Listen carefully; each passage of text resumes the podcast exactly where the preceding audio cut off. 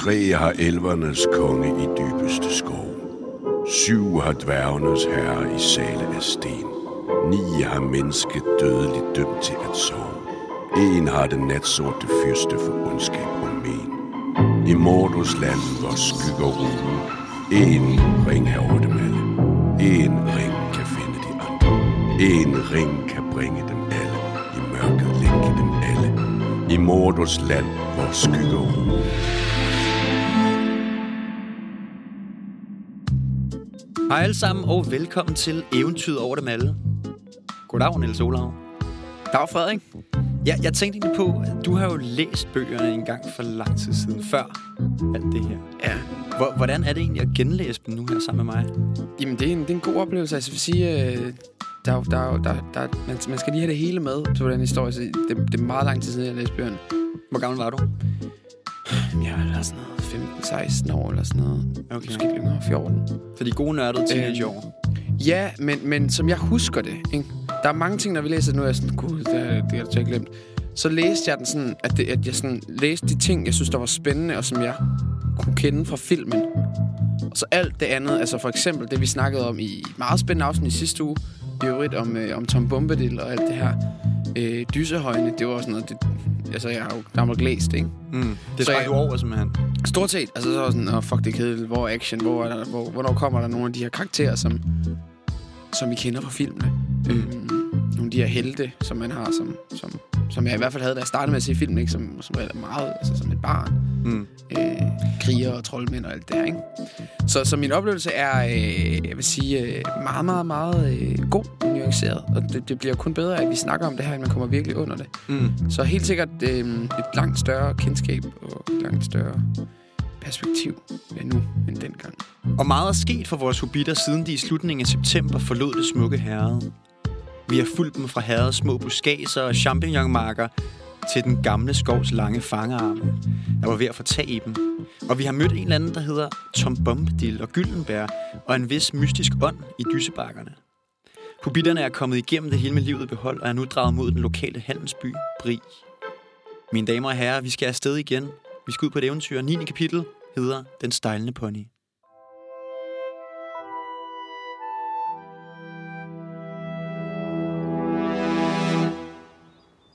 Bri var den betydeligste by i Briland.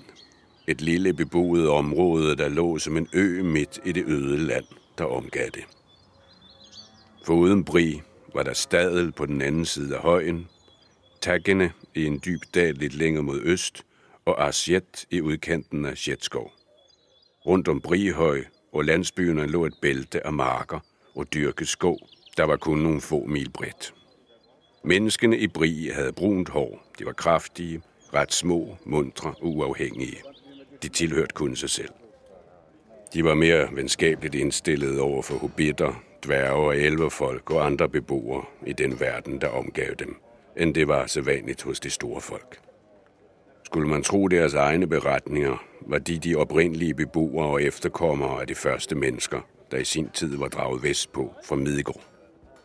Kun få havde overlevet de gamle urolige tider, men da kongerne atter vendte tilbage over de store have, havde de stadig fundet brimenneskene der. Og de var der altså endnu. Men mindet om de gamle konger var efterhånden blegnet.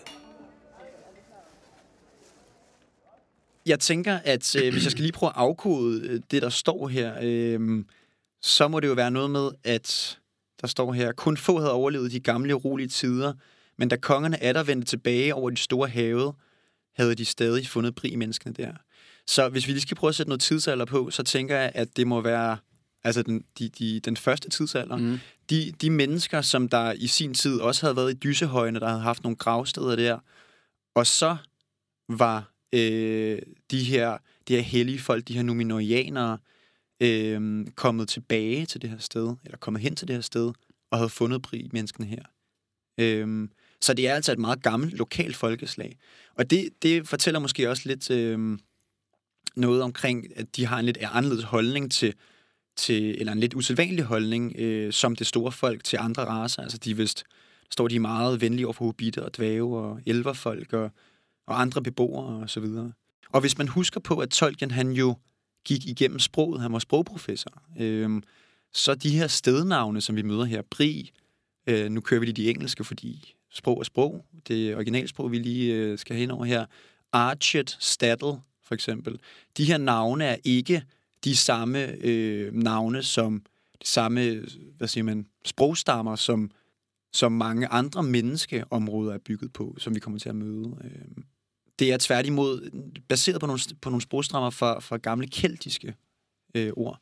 Så, så jeg tror, at, at Tolkien har haft en intention om at ville øh, mellem linjerne fortælle, at det her område det er ældre. Det er ikke bare mm. Numenor, der har lavet det her område. Han, han, der er faktisk en historie før den her kæmpe civilisation, der var her. Så, så det er et, et meget gammelt område, tror jeg. En gammel handelsby må det jo næsten være, ikke? Mm. Det var mørkt, og de hvide stjerner skinnede, da Frodo og hans kammerater om sider kom til Grønnevejskrydset og nærmede sig landsbyen. De gik hen til Vestporten og fandt den lukket.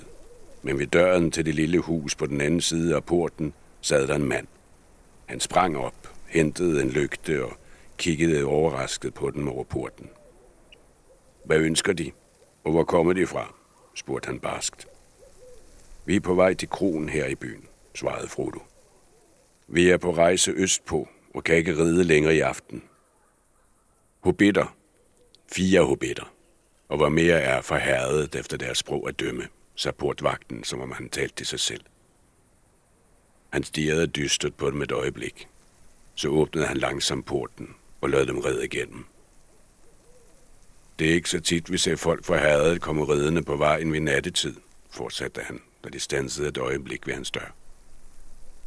De må undskylde, at jeg gerne vil vide, hvad de kan have at gøre øst for Bri, og må jeg have lov til at spørge om deres navne.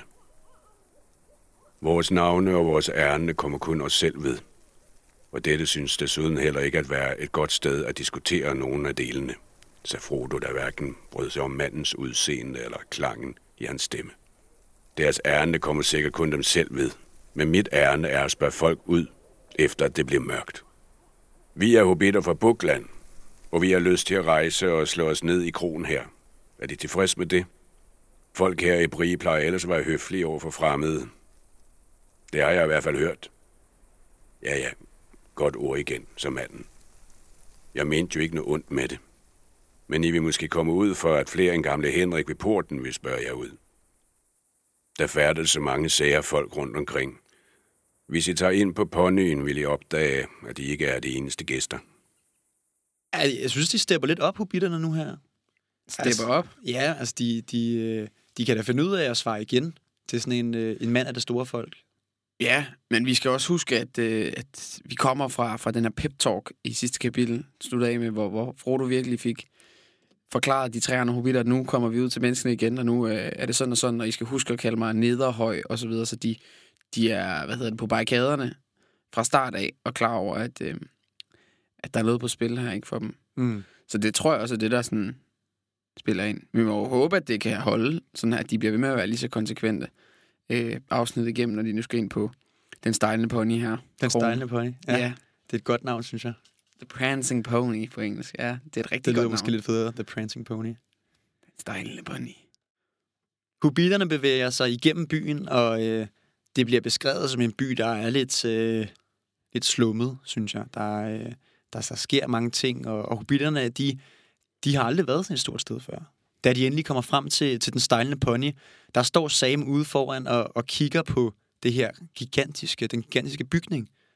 Og han, han tænker til sig selv, at han havde tænkt, at de skulle ud og kæmpe mod kæmper og, og ligesom ud på store eventyr, men bare den her bygning i sig selv er måske nok lige nu, fordi at den er 3-4 etager høj, og der er også to etager øh, i kælderen, kan mm. man Mhm. se. Øhm, og de kan se, at døren er på klem inden for den her, og der lyder larm indenfra.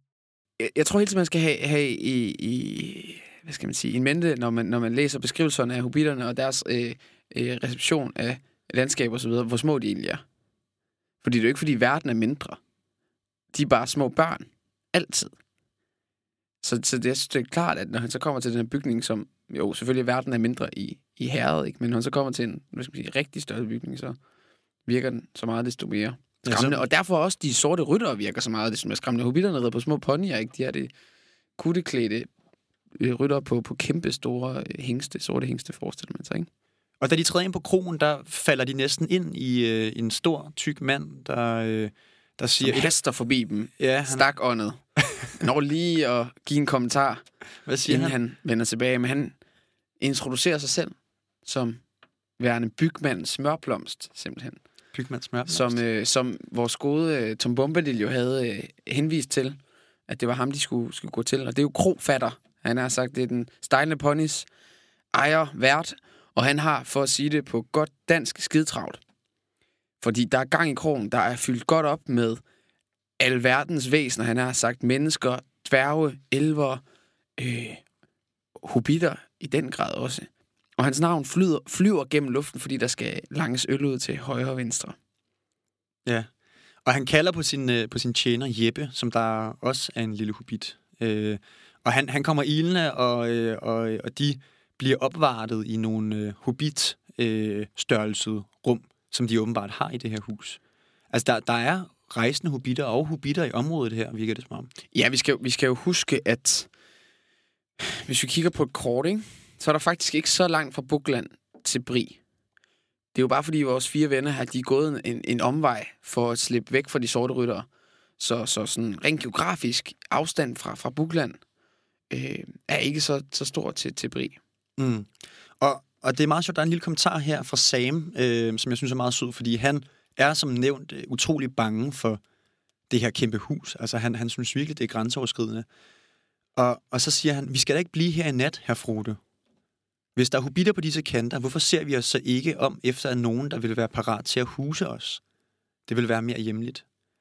Og det synes jeg er meget fint, fordi det fortæller også lidt om hobbit-traditionerne, at, at man som rejsende hobbit måske kan banke på en hobbit-dør, og Og så... fordi man altid rejser i herret.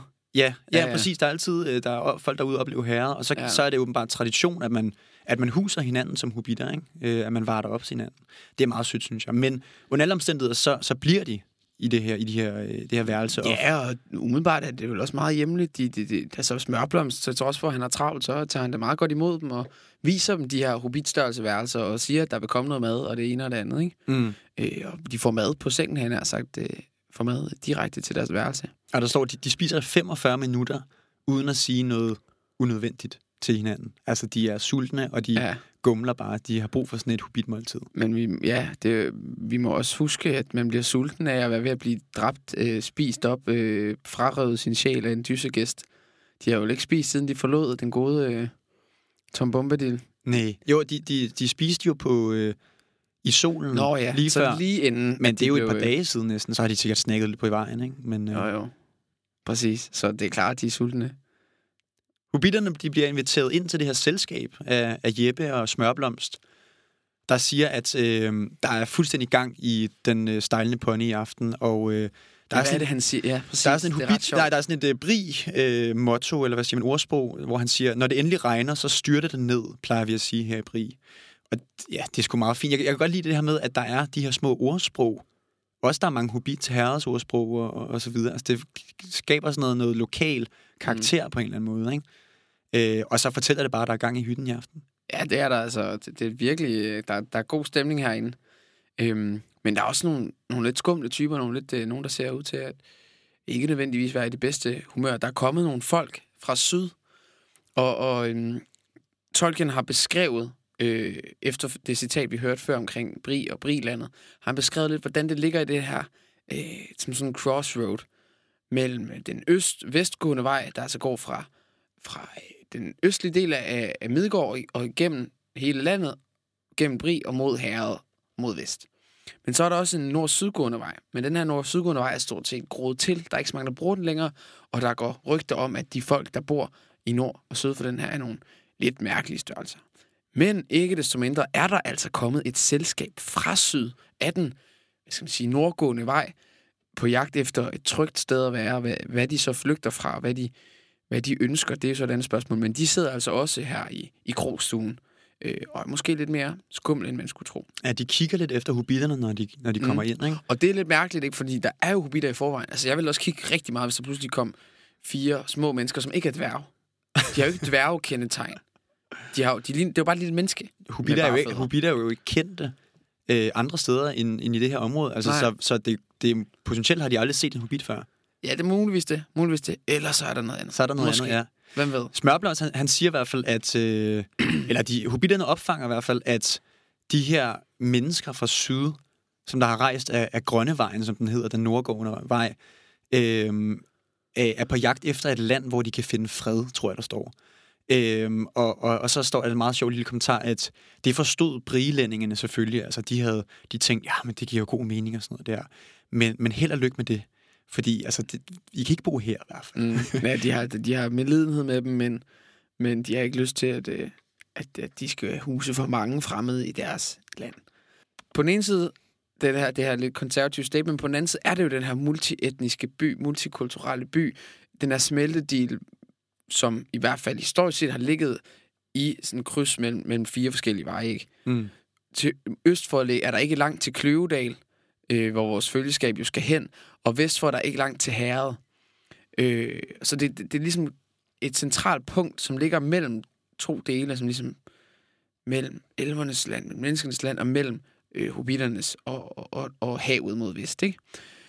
Øh, sådan historisk set, synes, man kan godt sammenligne det med, med Konstantinopel, altså det, det nuværende Istanbul, der, der ligger øh, i porten mellem, mellem Asien og Europa, ikke?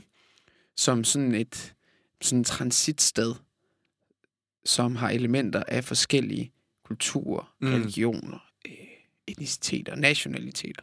Og det er virkelig også det, vi ser her i, i Bri.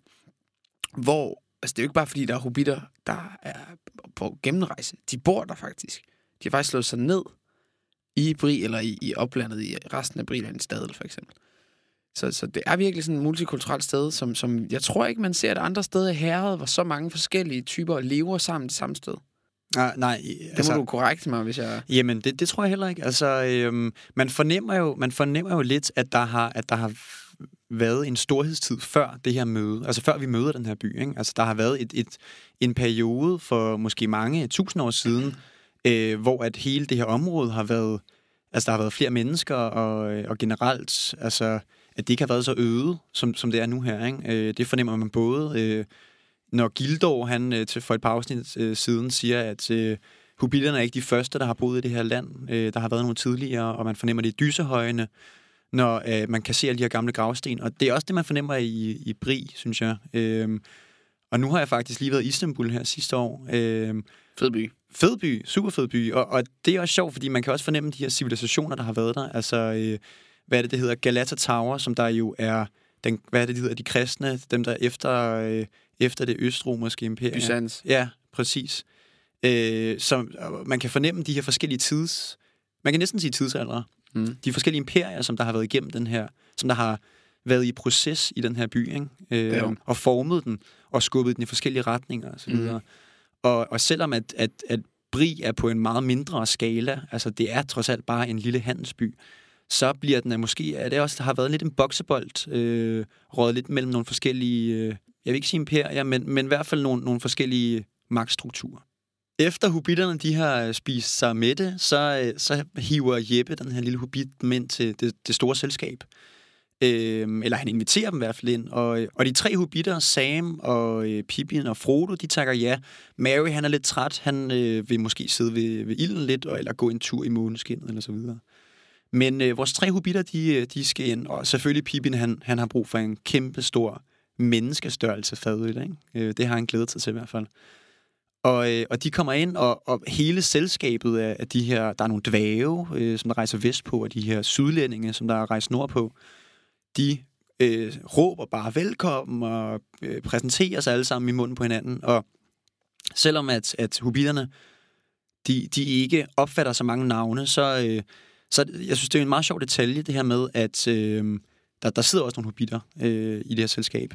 Men Frodo, han tænker lidt over navnene på de her mennesker. Øh, fordi menneskene, de har sådan nogle øh, lidt botaniske navne, kan man sige. Altså, de hedder rørblad og gedeblad og lyngtog og appeltræ og tisseldun og bregnø, for ikke at tale om smørblomst. Øh, og, og det er jo sjovt, hvordan at hobitterne, de har, altså, de hedder Brandebuk, og de hedder Bullen, og de hedder Stoltenfod og, og så videre. Det er sådan nogle meget tunge, bundske navne. Ikke? Mm. Så har vi sådan lidt mere noget natur, ja, bot- botanisk øh, hos, hos menneskene her. Og, og så kommenterer øh, Frodo også lige, når, når de så hører hobbitnavnene, Mm. så er det bare nogle, nogle standardnavne. Så hedder de Bakke og Grævlinghus og Langehul og Sandhæver og Tunnelby, som der er jo sådan nogle lettere synonymer, synonymer for, for bakker. Altså, det er, jo, det er jo næsten bare hobbithuller, der bliver nævnt her. Ikke? Tunnelby Ja, ja, og ja, ja. og- Sandhæver. sandhæver. Ja, det er jo bare en, der graver måske. Ikke? Jo, En, jo. der hæver sand. Ja, ja. Øhm, Og nederhøj, altså bor under højen. nederhøj, ja. Og det er jo det. Det, er jo det, Det var der fordi- mange, der hedder. det, det, pludselig så, så Frodo sikker, som der går med navnet Nederhøj for at være i skjul, så, så da, da, da Smørblom præsenterer øh, Frodo som, som Nederhøj her, så kigger der bare 10 hobitter op og, bare, og siger, jeg hedder også Nederhøj. og, man, og, og I, øh, I lytter, I ved jo, at hobitter elsker at snakke om familie. Og de elsker at, at finde ud af, hvordan de er familie på kryds og tværs, og på både mors og fars side. Mm. Ja, ja. Som vi ved, øh, On my mother's side. ja, præcis, on my mother's side. Ja, det er fedt. Øhm, så, så Frodo, han, øh, han bliver simpelthen næsten øh, flået ned til de her nederhøje øh, hobitter, der, der, der sidder oppe i baren, øh, og, og skal ligesom udspørges på kryds og tværs. Jeg synes, det er meget smart, fordi Frodo, han, han bliver selvfølgelig spurgt om, hvad laver du her? Og, og han siger så, jeg er i gang med at skrive en bog Ja. øh, om, øh, om lokalområdet, er det sådan noget lignende? Ja, eller? og hobitter, der har forladt herret. Det er sådan der, ja. Og, og det, er jo, det er jo meget smart, fordi der, der skubber han lidt bolden hen på de andres banehalvdel. Ja, de skal fortælle lidt. ja. Altså, det- så, så de ikke udspørger ham. Ja, lige præcis. At øh, han er interesseret i dem. Ja. Og, de, og hobitterne vil jo gerne fortælle historier. Og jeg synes, der er lidt nerve af, af, af, at vi er tilbage på vedbænden. Han har sagt, at der bliver fortalt historier, der bliver fortalt anekdoter øh, af den ene eller den anden skuffe. Øhm, så hobitterne føler sig, føler sig hjemme her. Det kan man også se på, at Mary også begynder at fortælle historier. Han, Øh, Pippin. undskyld, det? kan man også se, at øh, Pippin, ja, lige præcis, også begynder at fortælle historier, blandt andet om den tykkeste hobbit nogensinde, borgmesteren fra Mikkelsgraven. Og Wilhelm Hvidfod, eller hvad? Wilhelm Hvidefod, lige præcis.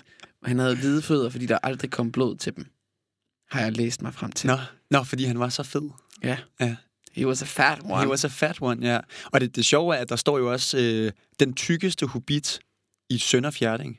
Nå, det er bare i Sønder Fjerding. Ja, så det er ikke helt herre, så Nej. der findes nogen, der topper ham, ikke? Det var lige den, sådan den der Det er sådan en fjerdedel af herre. fjerdedel af lige 25 gange 30 mil. Så ja. han er top 4 i herret, cirka.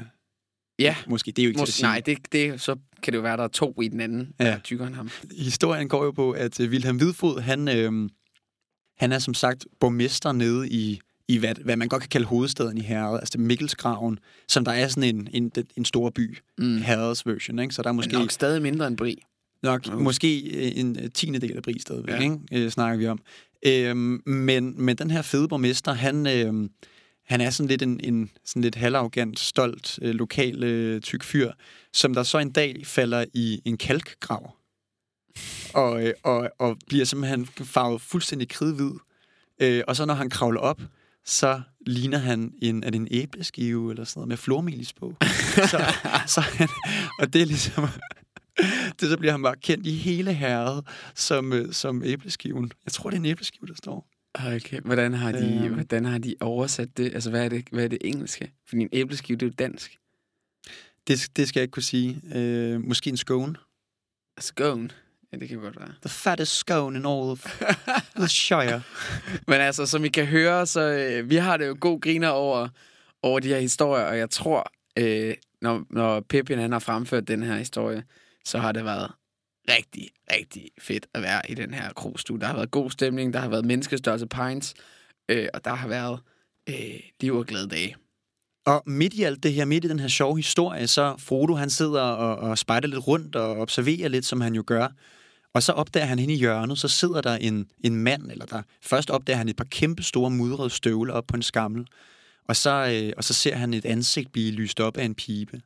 Man kan jo sådan forestille sig, hvordan, hvordan han, jeg ved ikke, om I kender det fra film, når, når de zoomer ind på én ting, og så følger man ligesom de der ting op til det næste. Så han har set støvlerne, og så, og så har han set lyset over støvlerne, som så har lyst det her ansigt op øh, ved den her beskidte, hvad skal man sige, slitte person. Mm. Jeg synes også, det er lidt sjovt, at det, det, vi, vi kommer fra en situation her, hvor der er, altså, der er gang i den, der er musik, og der er historier, og der bliver skålet. Og så alligevel så Frodo, han har det, det her, det, det her træk, at han, han ser tingene, ikke? Han, han opdager de ting, som man ellers ikke vil se i rummet. Der er et eller andet over ham, som, som, som gør ham på en eller anden måde lidt mere... Øhm, det ved jeg ikke. Jeg synes, man begynder at se nogle ting, hvorfor han er egnet til at være ringbær, ikke? Altså, Mm. Han er lidt mere overvågen end de andre. De andre er sådan, Nå, nu er vi på en... Vi, det er pissefarligt, og vi har fået at vide, at det, vi ved godt, der er nogle sorte rytter efter os, men nu er vi på en krog, og der er nogen, der kan fortælle historier, og der er øl, og uh, så er der god stemning, og Frodo er der også med på det, men der er alligevel det der i baghovedet på ham, hvor han lige scanner lokalet, ser, okay, der er nogle støvler, oh, der er et ansigt, Mm. og, og så føler den her utilpas øh, i forlængelse af det. Ja, og hiver fat i smørblomst, altså øh, den kære kro, kroejer Som jo er blevet blåstemplet af, af af Tom Bombadil. Ja, præcis. Øh, så, så han må jo kunne stole på ham. Øh, og, og han visker sig i, i øret på smørblomst. Ham har du vist ikke præsenteret mig for, ham der sidder hen i hjørnet. Øh, og, og smørblomst, han svarer sådan der, han er en af de rejsende. Og det er rejsende med stort R, Ja. så det, det er et folk det er åbenbart. Ikke? folk. Ja, og dem skal vi ikke snakke med. Eller måske om endda. Altså, det er, det, han er ikke rigtig velkommen her. Han kommer en gang imellem. Sidst jeg så ham var for et år siden, eller sådan Mm. noget der. Han, han er her lidt en gang imellem, men, men man snakker ikke rigtig med ham. Så med smørblomst ord i mente, så står Frodo nu og stiger over på, skuler over mod den her rejsende, som skuler lige så meget tilbage. Og i den her, hvad skal man sige, lidt underspillede stigerkonkurrence, kalder den rejsende Frodo over til sig. Frodo, han sætter sig ned, og så læner den rejsende sig ind over Frodo, og så siger han, man kalder mig traver. Og så fortsætter han og- siger, det er en stor glæde at møde dig her nederhøj. Er det ikke det, man kalder dig? Hvis den gamle her smørblomst altså har fået fat i dit rigtige navn. Og, og den måde, han, sådan, han, han leverer ordene på, der kan man fornemme, at Traver, han er ikke bare tabt bag en ladvogn. Altså, han, han ved godt lidt, hvad der foregår her. Og det fornemmer Frodo i hvert fald også. Øhm, fordi han kigger meget mistænkeligt på ham. Synes, det er meget mærkeligt. Ja, fordi nu... Frodo har jo formået indtil videre at holde fast i det her nederhøj, og der er ikke blevet stillet yderligere spørgsmål til hans øh, familiære øh, forbindelser til nogle af de andre hobitter, der ellers mente, at han var i familie med dem. Og nu lige pludselig sidder der en komplet fremmed her, der på en eller anden måde har gennemboret Frodo med sit blik, og hvem ved i hvor lang tid de har alligevel været i lokalet i, i, noget, i noget tid, der fuldstændig klokkeklart gennemskuer Frodo her. Altså man kan godt sige, at Frodo bliver ved med at holde fast i sit nederhøj, men ud fra måden, det er skrevet, og særligt hvordan du lagde trykket før, så kan man jo klart høre, at han tror ikke rigtigt på den med nederhøj, vel? Så vi kan fornemme, at der er en mistroiskhed. Det tror jeg også, Frodo kan. At han ligesom er gennemskuet. Og, og det tror jeg får ham lidt op på barrikaderne, fordi Ja, fordi pludselig så, så begynder Frodo at blive bevidst omkring øh, Pippin, som der er i gang med at gå, gå helt amok op i barn med hans øh, Wilhelm Hvidfods historie. Øhm, han, er- jeg- man kan forestille sig fakter og lyde, og ja, Ja, ja. ja. det er fantastisk. Jamen, det er fantastisk. Man kan så godt. Det kan de jo, de her hobitter. De kan sgu fortælle historier, ikke? Men det er også lidt farligt. Det er også lidt farligt, fordi han, han, han beretter historien her om Wilhelm Hvidfod, øh, Sønderfjerdings, eller Vesterfjerdings tykkeste borgmester, og så rykker han videre til Bilbus forsvinden og Bilbus fødselsdagsfest. Som man faktisk har hørt om øh, i Brig, Ja. ja. ikke? Der har været nogle, nogle Altså, det historier. var jo en nogle- stor historie i sin tid, ikke? Det var 17 år helt siden, vanvittigt. ikke? 17 år siden. Ja, Ja. ja, det må man også huske. Det er jo næsten sådan et, et savn efterhånden. Ja. Ja, hvad skete det egentlig, det her? Ikke? Han, Ja, ja. En hobbit kan da bare ikke forsvinde. Nej, lige præcis. Ja. Så det er jo klart, når der kommer en, der kender, eller har været med til den her fest, mm. Mm. det, er, det er virkelig spændende. Og, øh, og Frodo han bliver jo stærkt irriteret over det her, fordi, fordi det kan jo få folks tankestrøm til at begynde at køre hen på sikker. Altså, man, man skal bare slet, slet ikke nævne det her navn sikker i, i deres sammenhæng. Det vil være det bedste. Traver kan godt se, hvad der er ved at ske, og han læner sig ned over Frodo og, og visker til ham, det der må du vist hellere gøre noget ved i en fart. Og, øh, og hvad, hvad gør man ved det, når man er en hobbit? Ja, fordi man skal jo, man skal jo finde på noget bedre, som, som kan tage folks opmærksomhed øh, væk fra en god historie. Altså trumfe. Ja, man skal simpelthen trumfe øh, lige præcis. Og det er jo lige netop det, den gode Frodo, han gør her. Fordi hvad trumfer en god historie? Det er at stille sig op på et bord til at starte med. måske. Yes. Ja, selvfølgelig gør sig lidt højere og gør lidt mere opmærksom på sig selv. Måske holde en lille tale, og så sådan noget som en sang. Uh. Det trumfer altid. Det, det kan hobitterne godt lide, og det kan bri-folkene selvfølgelig godt lide. Ja, ja. Præcis, og man kan forestille sig stemningen derinde. Ikke? Der, der, det, det er en masse mennesker, der ikke, ikke nødvendigvis kender hinanden, rejsende og nogle enkelte lokale, og sådan, men, men der mødes om den gode historie, der mødes om, om, om sangen, som vi nu skal høre ham lidt. Det er lidt ligesom, når man er på skiferie og skal se VM-finale, for eksempel, og man, man, man kender ikke rigtig hinanden, men man har et eller andet fælles ting øh, sammen, og så kan man godt sidde og scrolle med på, øh, Sweet Caroline, eller Volbeat, som det var det store hele i år, ikke? Det lyder, Øhm. det, det lyder som, det er noget, du har oplevet det der, kan jeg høre. Ja, men det har jeg. øh, men men, men Jeg jeg, tror, der er det er flere, der kender følelsen, ikke? Øh, og det tror jeg lidt er det samme her. Der, der, hvis der er noget, der trumfer, så, øh, så er det en, en, en god fællessang, som Frodo han disker op med her. Ja. Der er jo de smukke elversange. Der er, der er mange forskellige slags sange, men der er, Tolkien han skriver også bare nogle druksange, der siger bare to. Ja, man burde adaptere nogle af dem, ikke? Jo, det, det burde man. Sætte melodi på dem, og så, Det burde man og så få dem indført. Ja. Helt Og- tilbage. Det er helt ned til gymnasie, måske folkeskolefesterne. Bare start der. Sodavandsfesterne. Ja, breezerfesterne. Ja, okay. Vodka ude på skæt. Tuborg sommerfesterne. Åh, oh, ja, okay. Så er med. Det, det er sådan en rigtig øh, kæp i øret sang, den her. øh, altså, det, det, den, den, den, fordi den starter ud. Øh, der er mange vers, mine damer og herrer. Det, er- jeg kigger ned på min bog her. Øh, den varer tre sider, så I slipper altså øh, for et par af de her vers. Øh, første vers lyder sådan her. Der ligger en kro, en lystig kro, ved højen gammel og grå, og der man brygger en øl så god, at manden i månen sin plads forlod og kom for at smage derpå. Og så fortsætter den her sang øh, med vers igennem hele natten. Det må jo næsten være nattens øh, 12-14 timer i, i den her sammenhæng, indtil solopgang. Øhm, og, og der er sådan nogle vers, som der lyder, og manden i månen tømte sit krus, og katten spillede til dans. Og fade og skære, de gjorde et hop, og konen svingede sin klodsede krop, og hunden løb efter sin svans. Ja, det, det er helt gagak. Det er dyrene, der kan spille, Ja, ja. spille violin, og så det er noget, folk de kan relatere til at se med på. De, de, de ser måske sig selv i nogle af de her ting. Og som sagt, så det, eller som, som, som du har fremvist her, så er det nogle ret korte vers, ikke? Fem linjer. Så man kan ret hurtigt finde ud af, hvad er det, der hvad er melodien egentlig, og hvad, hvad er teksten også. Mm. Og så lyder det sådan her. Bifaldet var larmende og langvaret. Frodo havde en god stemme, og denne sang talte til deres fantasi. Hvor er gamle bygge blevet af? råbte de. Den her skulle han næsten høre. Ebbe skulle tage og lære sin kat at spille violin. Sikke vi så skulle danse. De råbte på mere øl og begyndte at råbe. Lad os få den igen, mester. Kom nu. En gang til. De fik Frodo til at drikke et glas til, og til at begynde på sangen igen. Denne gang var der mange, der sang med, for melodien var velkendt, og de var kvikke til at opfatte ordene. Nu var det Frodos tur til at føle sig tilfreds med sig selv. Han sprang omkring på bordet, og da han anden gang kom til højt over månen sprang en ko, sprang han også selv højt op i vejret. Men alt for voldsomt, for med et brag faldt han ned i en bakke med krus. Han gled og trillede ned af bordet med endnu et brag og en klirrende et bump. Publikum brølede af latter. Og så brød de pludselig af og måbede.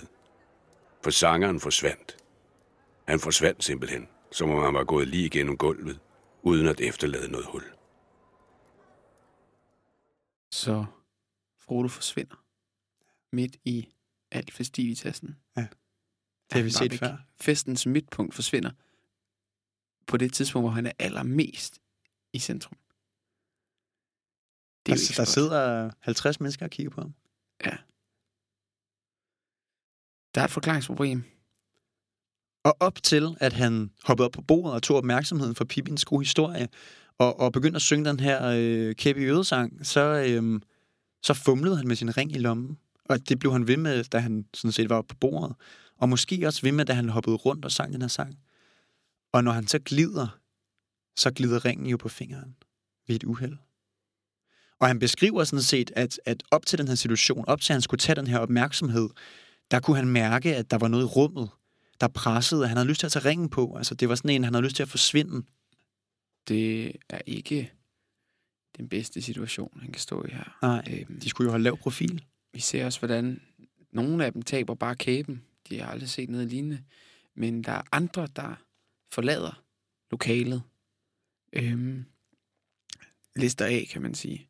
Blandt andet en Jens Brejnø hedder han. En karakter, som Smørblomst har præsenteret før. Og som har været sådan lidt, hvad skal man sige, skummel i lokalet her. Men øh, de er også nogle stykker, der, der går ud af lokalet her. De har måske set noget, de finder mistænksomt. Ja, og, og Frodo, han, øh, han hiver ringen af igen, øh, mens han sidder på stolen ved sådan en traver. Og Traver, han læner sig ned over ham igen, og så siger, det var godt nok dumt gjort, det der. Du kunne næsten ikke have gjort noget værre. Det var værre end Pippins historie, i hvert fald. Mm. Eller det var værre end din vens historie, siger han jo selvfølgelig. Øhm, og, og Frodo, han, han har jo et ego, og han, han kan ikke vedkende sig det her. Ikke? Øh, og, og alle løber rundt helt forvirret, og der er sådan en kaosstemning inde i den her krogstue, og, og folk råber, hvor, hvor, hvor blev han af? Og Frodo, han siger helt let og prøver at tage et, tage et kunstigt smil på og siger, jeg sidder der bare lige her og har et, ord med, et lille ord med traver. Øh, og traver, han har igen hætten over hovedet og pipen i munden.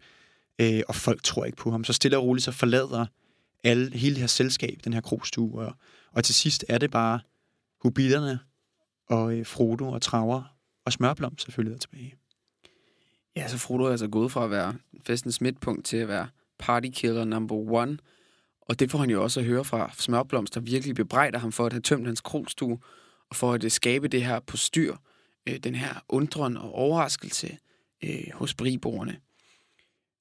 I forlængelse af den her lille øh, skæld ud, som han får af Smørblomst, der gør Smørblomst også klar, at han faktisk har en meget vigtig besked til Frodo, øh, som han helt havde øh, svidt ud, men som han altså nu vil sørge for at få ham overbragt. Men, øh, men han har lige nogle andre ting, han lige skal ordne først. Det er jo en travl kromand, øh, krofatter, vi har fat i her. Så han lover Frodo, at han vil komme op og besøge ham på værelset med den her vigtige besked senere. Og ved denne brøler, ved det kaos i den her krogstue, og den her opmærksomhed, der pludselig er blevet rettet mod de her hobitter, der slutter vi sådan set kapitel. Den stejlende pony.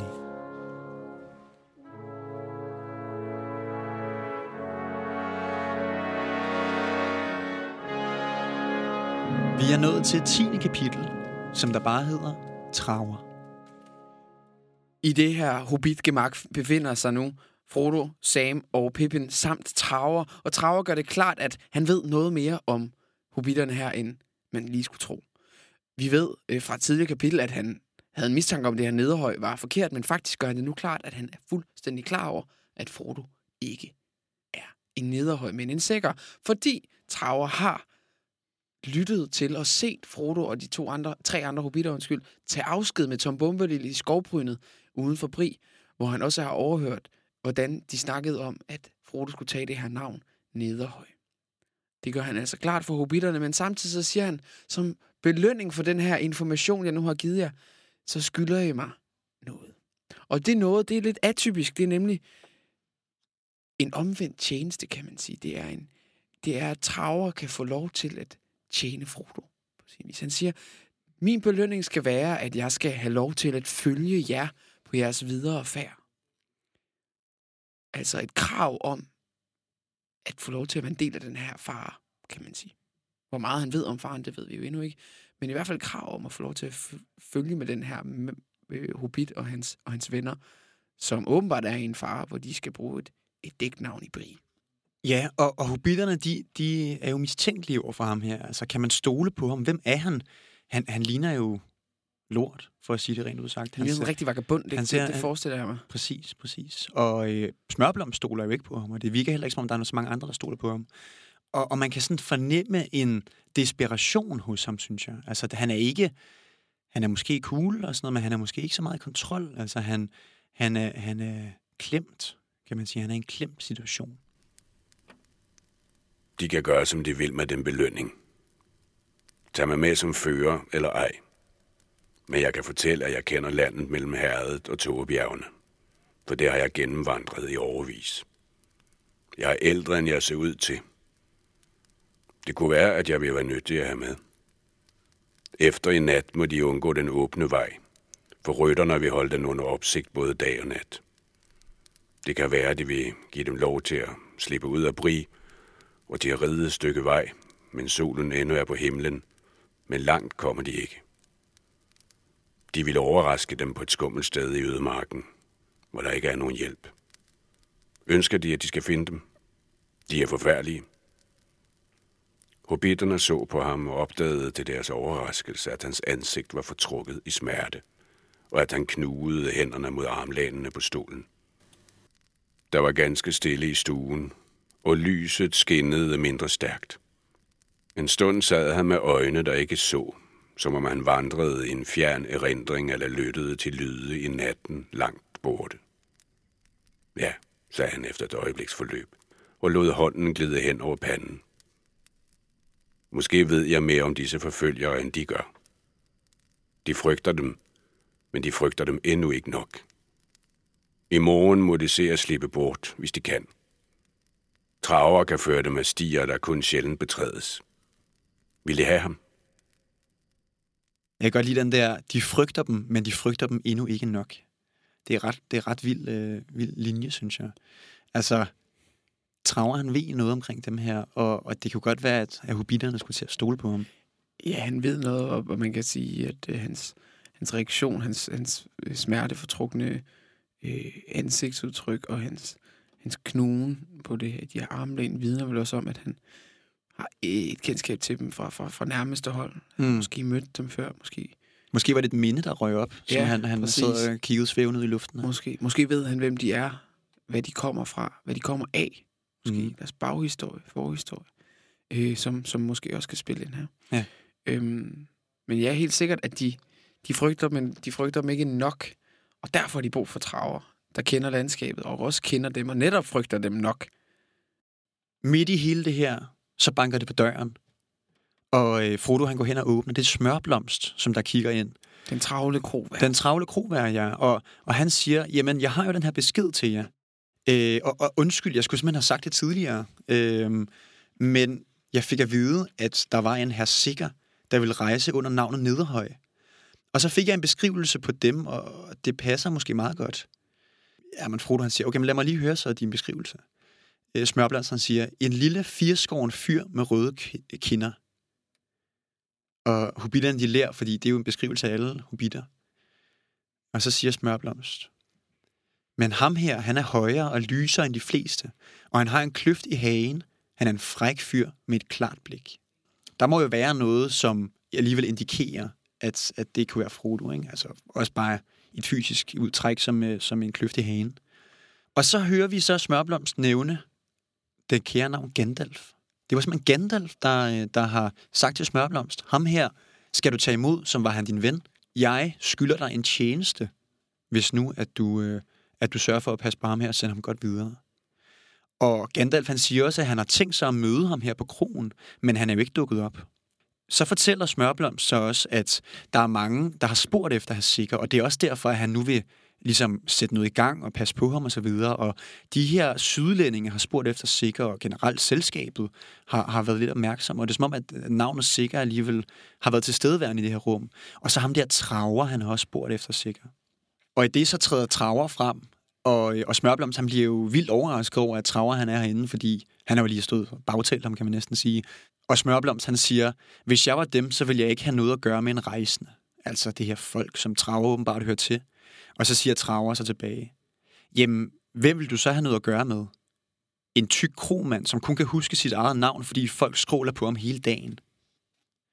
Og det, altså Traver, han, han har noget i sig, han har noget vildskab, og han, han har også noget desperation, men det gør jo også, at han, han kan være et håb for de her hobitter, ikke? Ja, helt sikkert. Altså,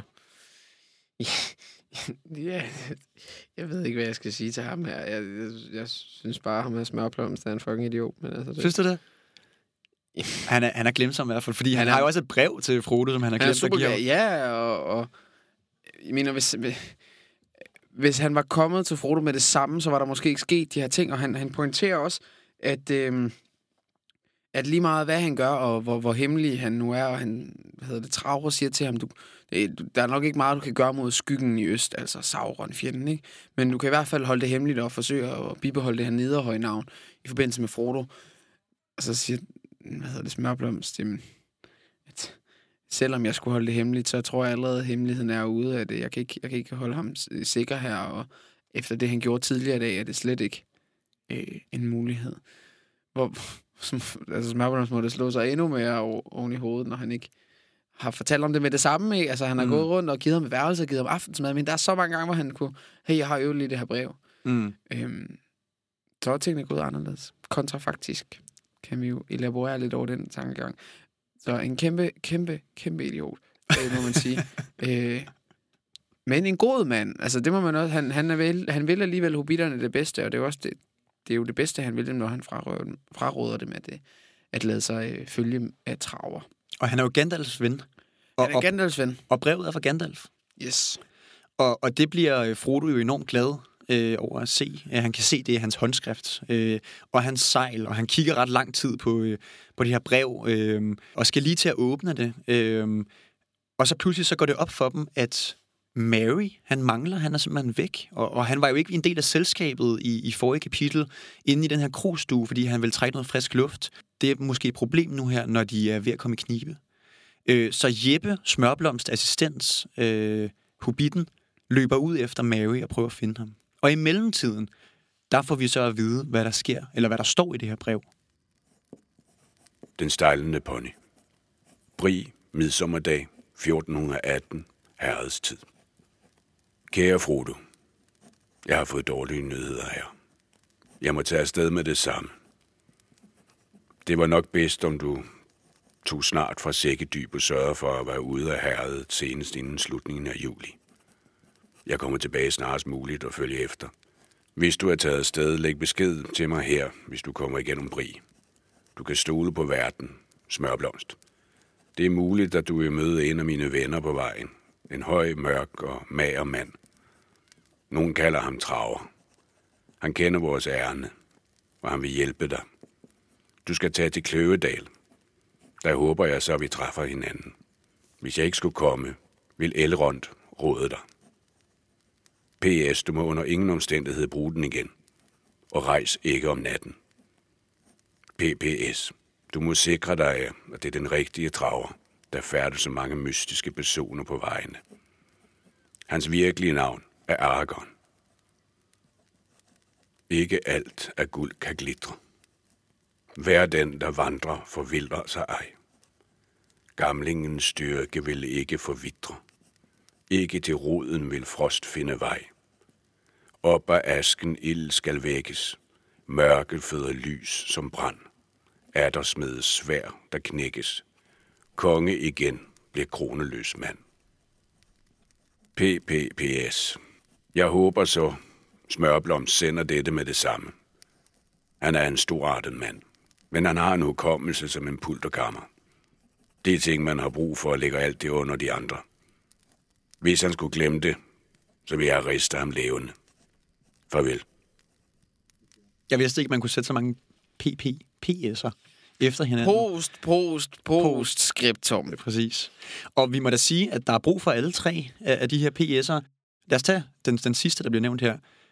Øh, Smørblomst har ikke sendt brevet. Smørblomst giver brevet i hånden, mm. og, og han forklarer sig med, at han kunne ikke lige stole på, på at nogen, øh, som han, lige da han fik brevet, så kunne han ikke stole på, at der var nogen i nærheden, der kunne give øh, Frodo det her brev.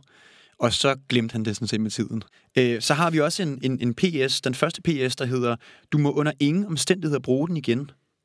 Og det synes jeg også er meget sjovt, fordi han, hvordan ved Gandalf, hvad han har brugt den? Altså ringen. Det er jo, han, han, han tager jo for givet, at Frodo han, han må have brugt den her ring. Fro, uh, Gandalfs sidste advarsel, det var jo, at uh, du må for alt i verden ikke bruge den her ring. Mm. Men han ved, at man kan ikke lade være med at bruge ringen. Så endnu en gang, så siger han bare, du må ikke bruge den, men anerkender, at den er blevet brugt en gang. Ikke? Men husk nu, du må ikke bruge den. Det er meget sjovt, synes jeg. Og så har vi vores sidste PPS. Det vil sige den anden PPS, eller den anden PS, for ikke at forvirre jer mere, end jeg allerede gør det, nu det, her. det er den første PPS, men det er den anden PS, kan man sige. okay. Men det er ikke en PS, det er en PPS. Ej, et forglem med og alle forveksle, at vi har haft en PPPS. Alle sammen står for postscriptum. Bare nummer to er post postscriptum, og nummer tre er post post postscriptum. Alle sammen efterskriftet. og nu er vi ved post postscriptum. Yes. Ja. Og jeg- må sige, at øh, nu står der her i vores bog, øh, du må sikre dig, at det er den rigtige traver, der færdes så mange mystiske personer på vejene. Hans virkelige navn er Aragorn. Og så er der ellers et, et digt på en otte linjer eller sådan noget der. Øhm, og hobitterne, de, de er meget, meget færre, så, øhm, så kigger de bare på ham her Aragorn, eller Traver, som vi jo kender ham som, øh, og, og stiller igen spørgsmålstegn ved, om man kan stole på ham. Traver, han svarer så, men jeg har vel mit udseende imod mig. Pippin, han siger, det har du nok, i hvert fald ved første øjekast. Men smuk er den, som handler smukt, som vi siger hjemme i herret. Og må vi ikke alle sammen vil komme til at se sådan ud, når vi har ligget og rodet rundt i et krat og grøfter nogle dage.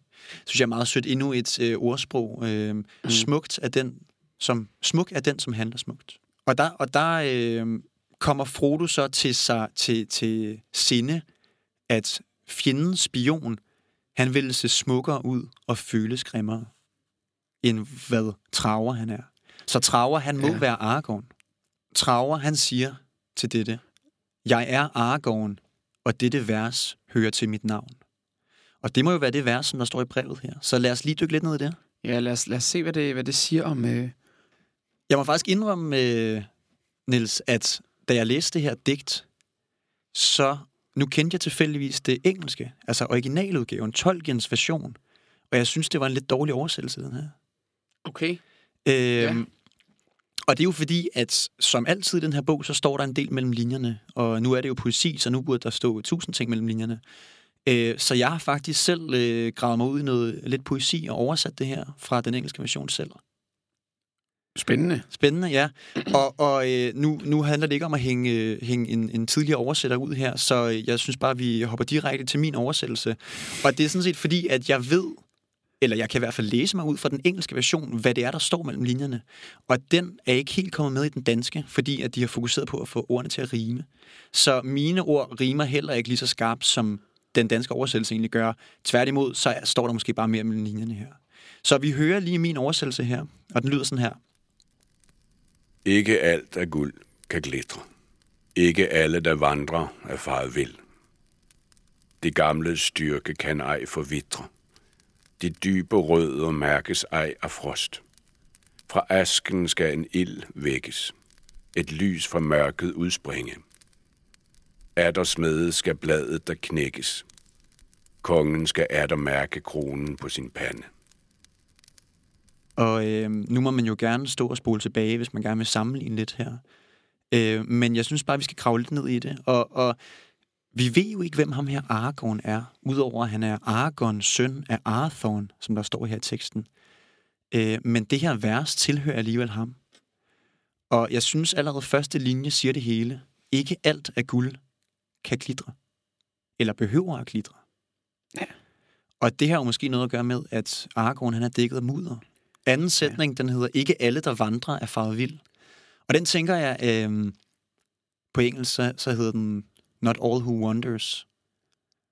Og, og der ligger noget i den, at det er måske en, en kommentar til de rejsende, altså rejsende ja. med stort ære, ikke? Altså at selvom at de bare træsker rundt i, den her, i det her område, og de lokale synes, de er nogle mærkelige nogen, så er det ikke fordi, de er faret vild, eller øh, altså, der er, de har en agenda. De har en agenda, de har et formål. De har et formål, de, de, ja. De gør noget sikre noget. Ja.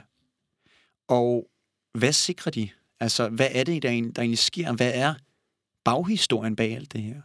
Det ligger måske i sætningen, de gamles styrke kan ej forvitre, og de dybe rødder mærkes ej af frost. Altså, den, den synes jeg peger lidt tilbage, at, at øh, hvis man for eksempel kigger på en, en, en familie med en god, dyb historie, altså, så at historien har styrke i sig selv, altså, og, og at man at man måske heller ikke kan løbe væk fra sin historie. Fra asken skal en ild vækkes, et lys fra mørket udspringe. Ja, den, den synes jeg er rimelig, rimelig tydelig, at, at der midt i al ondskaben skal, skal komme et lys, skal komme et håb. Når det ser aller sortest ud, måske? Når det ser aller sortest ud, ja. Altså. ja. Og så er der også noget med asken, ikke? Altså, at der er noget, der bliver brændt ned, og der er noget, der simpelthen er der, der fuldstændig er smadret. Mm. Men i den her aske, der, der er der noget nyt, der skal komme. Ikke? Der er noget, der var, som er blevet smadret. Så ud fra det, der var, mm. kommer der noget nyt, ikke? Fønixfuglen. Fønixfuglen, ja. Og så slutter den af med, at der smedet skal bladet, der knækkes. Kongen skal der mærke kronen på sin pande. Og vi kan se her, at Aragorn, søn af Arthorn, ham her traver, den mudrede mand, efter at han har sagt, at det her det her vers, det hører til, min, til mit jeg, så rejser han sig op og trækker sit svær. Og hans svær er knækket. Så den hører måske til ham, den her historie. Han har altså en forudsætning, kan man sige, for at leve op til de her ord. Han har den første del, altså det knækkede svær, så må vi se, om det bliver smidt igen, om den her profeti. Den går op på det sidste linje, det her med, at kongen igen, at der igen skal have kronen på sin pande. Det kan vel kun læses som om, at øh, en, der tidligere har været konge, skal blive konge igen. Ja, eller at kongehuset skal genopstå. Måske det Ja. ja. ikke hæftet på en person.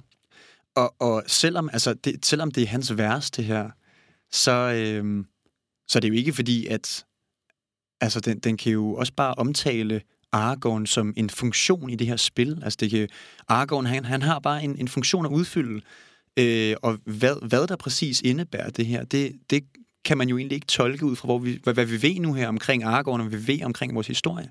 Mm. Så, så det er en, en profeti, der måske bare siger noget omkring, hvad der kan ske, hvis nogen sejrer. Ja. Ja, ja, ja, en ting, nu, nu, nu gik der lidt digter i mig, og det tog måske også lidt overhånd. Øh, hvad hedder det? Men så, øh, og det, eller det gjorde det i hvert fald, fordi at jeg tænkte, øh, det her med at have en, have et, når man præsenterer en person, som Gandalf gør, han præsenterer hans ven Aragorn, så, så siger han jo, så, så pludselig så fyrer han et vers omkring mm. sin, sin ven af. Ja. Øh, og det tænkte jeg, det vil jeg også gøre til min ven. Nej, hold. Seriøst? Stort krøllet hår og en skarp lys stemme. Skæg som D'Artagnan. Ingen piger, han vil vemme. Gæv god jyde. Spænd ham for en plov, og han vil yde. Den klogeste af os to, min ven, er du i verdenshistorien. Hvor er det med, at jeg skal, at jeg skal blive konge, som den kroneløse mand, jeg er? Jamen, det er jo, det er jo øh, kongen af Jylland, ikke? Spænd ham for en plov, han yde. Ej, men øh, mange tak. Øh, de gik øh, lige til hjertet. Det var simpelthen øh, smukt. Jeg, jeg må se, om jeg, øh, om jeg kan skrive nogle bevingede ord til dig. det må du gerne. Altså, det var ikke en invitation på den måde her, men, øh, men lad, det kan Men det godt synes jeg, der er fedt. Altså, men, men tak for det første for ordene. Øh, dejligt. Men, men tilbage til det her med, at man, man, man knytter et vers til en person, en personlighed, en karakter. Det, det er super fedt. Mm. Aragorn har nu fået hobbiternes tillid. De gode handlinger har overstrålet det grimme ydre, og det her vers kan måske også have været med til at overbevise dem om, at ham her er en, vi kan sætte vores lid til. Og i det, de vender det her, der brager døren op. Og Mary, han kommer løbende ind, efterfulgt af Jeppe, den anden tjenerhobbit. Og Mary, han beretter, at Jeppe, han vækkede ham, mens han lå i vejkanten med en bule i baghovedet, og har sådan set været blevet slået ned. Jeppe, han beretter videre, at, at han så to skikkelser være bøjet over noget, der lå på jorden, og han løb hen imod det, fordi han tænkte, der var sket en ulykke. Og i det, de her to skikkelser så, at Jeppe kom løvende hen imod dem, så stak de af. Og mellem dem, der lå Mary slået ud.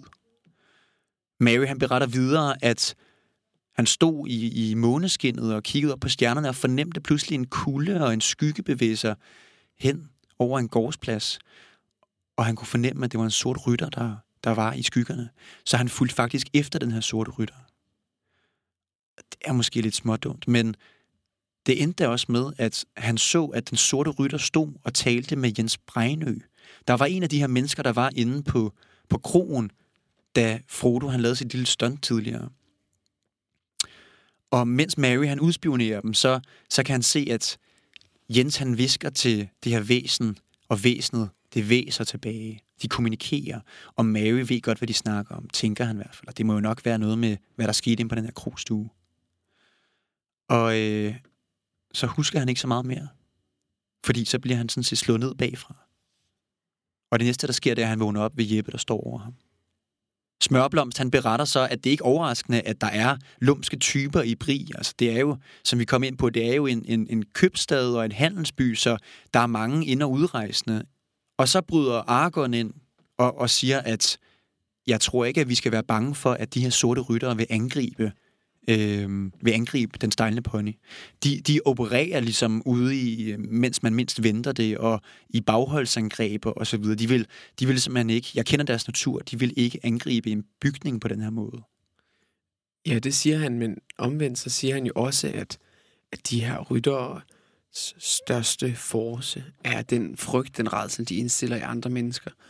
Og ud fra det, vi nu har hørt om, at øh, den sorte rytter kender, har et forhold til Jens Brejnø, og hvad Aragorn også siger, at han har hørt og set portneren, den før, som mistænkt en portner, snakke med øh, sorte rytter, så har han altså en idé om, at der er flere af de her bri-boere, som er i lommen på sorte rytter, han har sagt. Så det var ham, ham portneren Henrik, tror jeg, han Ja, hedder, præcis. som der, som der udspurgte dem til at starte med. At han har også øh, været i kløerne på de sorte rytter. Ja. Og det er derfor, hvor, hvor Aragorn siger, at der er jo, det kan godt være, at de, de sorte rytter ikke vil angribe, men der er en chance for, at den frygt, som de har indstillet i, i bribord eller belønnings øh, horisont, måske kan få nogle af de her mennesker til at gøre hobitterne ondt.